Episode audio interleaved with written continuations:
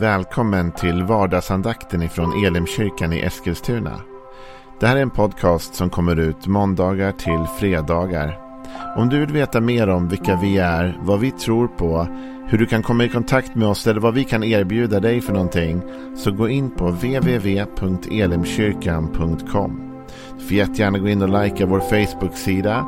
Det är facebook.com elimeskilstuna. Eller så söker du upp oss på YouTube och då söker du på Elimkyrkan Eskilstuna. Vi vill jättegärna komma i kontakt med dig. Men nu lyssnar vi till dagens andakt. Välkommen till vardagsandakten den här tisdagen och vi ska fortsätta vår resa med psalm 144 som vi kör igenom den här veckan innan vi nästa vecka kommer lämna saltaren och gå in i ett annat tema. Men psalm 144 läser vi tillsammans och vi tar bara någon vers varje dag. Vi tar inte vers för vers denna psalmen för den är för lång för det. Men vi tar lite olika stycken. Lova där Herren min klippa som övar mina armar för strid och mina händer för krig.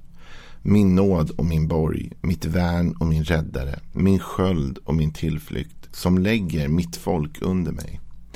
Herre, var en människa att du bryr dig om henne? En människoson att du tänker på honom. Människan är som en vindpust, hennes dagar som en försvinnande skugga. Herre, sänk din himmel och stig ner.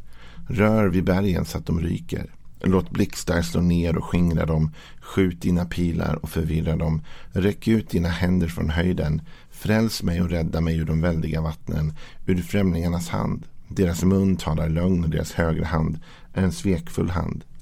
Gud, jag vill sjunga en ny sång till dig. Sjunga ditt lov till tiosträngad lyra. Du som ger seger åt kungar, som räddar din tjänare David från ondskans svärd. Fräls mig och rädda mig ur främlingarnas hand.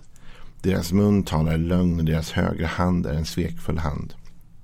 När våra söner i sin ungdom står som välväxta plantor och våra döttrar som hörnpelare skurna för palats. När våra lador är fulla och ger förråd på förråd. När våra får förökar sig tusenfalt och tiotusenfalt våra marker och våra oxar går lastade. När ingen rämna bryts i muren och ingen förs ut som fånge och inga skrik hörs på våra gator. Saligt är det folk som har det så. Saligt är det folk som har Herren till sin Gud. David börjar ju, som vi var inne på igår, att tala om att Gud förbereder honom för svårigheter. Tränar honom, hans armar för strid och hans händer för krig. Och det här var ju en verklighet som David som kung för en nation som Israel levde med. Det fanns hot ständigt från filister och från andra som hela tiden ville hota och utmana Israel. Men han kände att Gud förberedde honom för detta. Sen säger han att eh, Gud är hans borg, hans värn, hans räddare, hans sköld, hans tillflykt. Och som lägger mitt folk, står det i den här bibelöversättningen. Men eh, i flera översättningar står det folken. Och det kan också översättas folken under mig. Jag tror att det är en mer korrekt översättning på ett sätt. Liksom, att David kände det. Men det jag vill få fokusera på idag är vers 3 och 4. Herre, vad är en människa att du bryr dig om henne? En människoson att du tänker på honom? Människan är som en vindputs, hennes dagar som en försvinnande skugga. David berör ett ämne som han berör vid andra tillfällen också och jag kommer komma till det sen. David berör känslan av människan som liten, såklart i förhållande till Gud. Och vem är du Gud att du ens engagerar dig i något så litet på ett sätt som en människa. Och engagera sig gör ju Gud. Alltså om man läser här innan så har ju David för det första sagt följande. Nummer ett. Du Gud övar mina armar för strid och mina händer för krig. Vad betyder det? Det betyder att, att Gud har tagit ett personligt engagemang i formandet av David i en enskild människa. Inte bara mänskligheten som sådan. Det är inte bara det att Gud har format och skapat människan och satt människan på jorden. Utan David upplever som att Gud på ett personligt sätt formar just honom. Lovade är Herren min klippa som övar mina armar för strid och mina händer för krig. Så David här menar att, att denna enorma Gud som är så stor och så mäktig har ett personligt engagemang i honom. I, i Saltaren 8 så har David redan nämnt detta. För i, i, i eh, psalm 8 så säger David så här i vers 4. När jag ser din himmel och dina fingrars verk, månen och stjärnorna som du har skapat, vad är då en människa att du tänker på henne? En människoson att du tar hand om honom. Så här, här talar David om att han är förundrad över att den här stora guden, den här mäktiga guden kan bry sig om att vara engagerad i en liten människa. Och vad är en liten människa egentligen? Men det är ju så David känner sig i förhållande till Gud. Då. Jag tror faktiskt inte att det finns någon människa som i mötet med Gud inte känner sig liten. Gud är ju ändå så mycket större än vad vi är. Eh, och det betyder inte att människan är liten och obetydlig. Men det innebär att i förhållande till Guds storhet så är människan ändå förhållandevis liten. Men David menar att Gud tar ett personligt engagemang för en människa. Att han bryr sig om henne. Och att han bryr sig om henne i meningen han formar henne. Armar för strid och händer för krig. Jeremia han får den här synen av Gud också om formandet. Ja, jag tänkte läsa det för att vi ska känna ändå hur Gud arbetar med oss människor. I Jeremia 18 står det. Detta ord kom till, Herren, till Jeremia från Herren. Han sa Res dig och gå ner till krukmakarens hus. Där ska jag låta dig höra mina ord. Och då gick jag ner till krukmakarens hus och såg att han arbetade på drejskivan.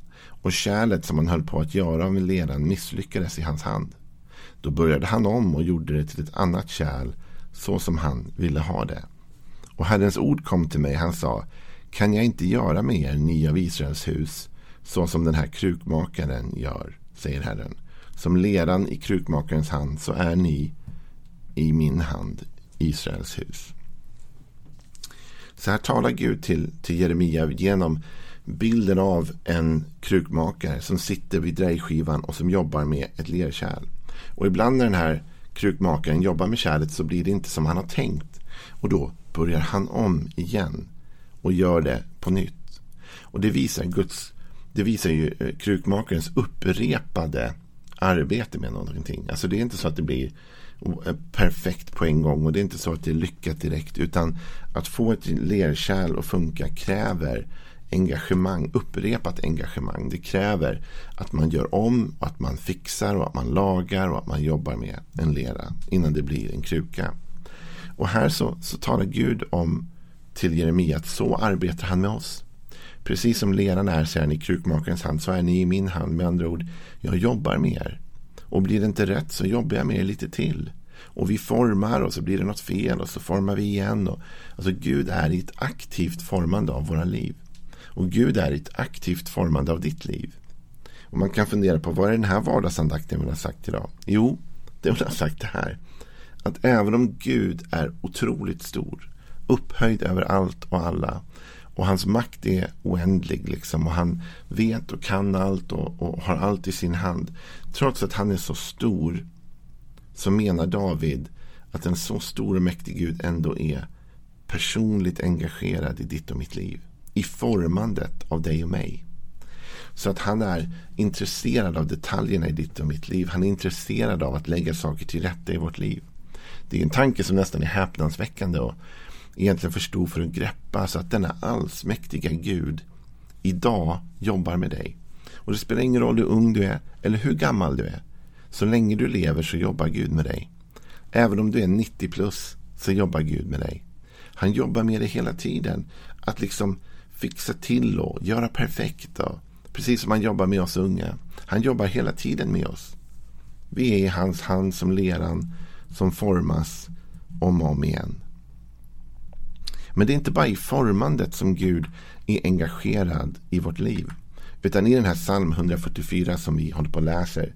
Så talar ju då David om att, att Gud övar hans, hans armar och hans händer för krig och strid. Med andra ord, han formar honom, eller hur? Men i vers 2 har han också sagt att Gud är hans nåd, hans borg, hans värn, hans räddare, hans sköld och hans tillflykt och som lägger folken under honom. Så här visar David att Gud är engagerad, personligt engagerad i Davids välmående. I hans beskydd och omsorg. Alltså, han är borg och värn och räddare och sköld och tillflykt. Vilken fantastisk beskrivning på Gud. Borgen och värnet och räddaren och skölden och tillflykten som beskyddar och bevarar. Så Gud, fast han är så stor och har så mycket i sin hand så är han ändå personligt engagerad i Davids väl och i ditt väl och i mitt väl. Och Gud inte bara formar oss idag, han är också vår borg idag. Han är vårt beskydd idag. Han är vår sköld idag. Varför skulle Gud vara intresserad av att skydda en liten människa som kommer och går så lätt och så smidigt? Jag menar, David säger det sen, eller hur? Han säger så här i vers 4 i psalm 144. Människan är som en vindpust. Hennes dagar som en försvinnande skugga. Varför skulle Gud vara intresserad av att skydda en vindpust? Någon som bara kommer och går. Va? Ändå är han det. Ändå finns det ett mysterium i detta som vi kan ha svårt att förstå. Vi kan tycka att Gud borde vara annat viktigare och bättre att göra än att vara personligt engagerad i ditt och mitt liv på det här sättet. Men David säger, även om jag inte förstår detta så vet jag att det är så. Att Gud formar mig dagligen och Gud beskyddar mig dagligen. Och Gud ger mig nåd dagligen. Han är min nåd. Han är förlåtande. Han är barmhärtig. Och tänk vilken tur att han är just det. Det finns ju, fanns en reklam som gick på tv förut och det är väl ett talesätt överlag. Va? Men det var någon eh, grej också om att är man, är man stark så ska man vara snäll. Eller är man stor ska man vara snäll. Är man stark ska man vara snäll. Och vet du, så stark och så mäktig som Gud är kunde han förgöra oss alla i en blinkning. Men han väljer inte det. Utan han väljer nåd. Fast han är så stor och så stark och så mycket högre och mäktigare än oss så väljer han att varje dag ge oss nåd. Att varje dag arbeta med att forma oss. Att varje dag var vårt skydd och vår värn och vår borg och vår sköld. Och inte bara det. Han är också mån om att det ska gå oss väl. David säger som lägger folken under mig. Alltså med andra ord, Gud ger David framgång i hans värld.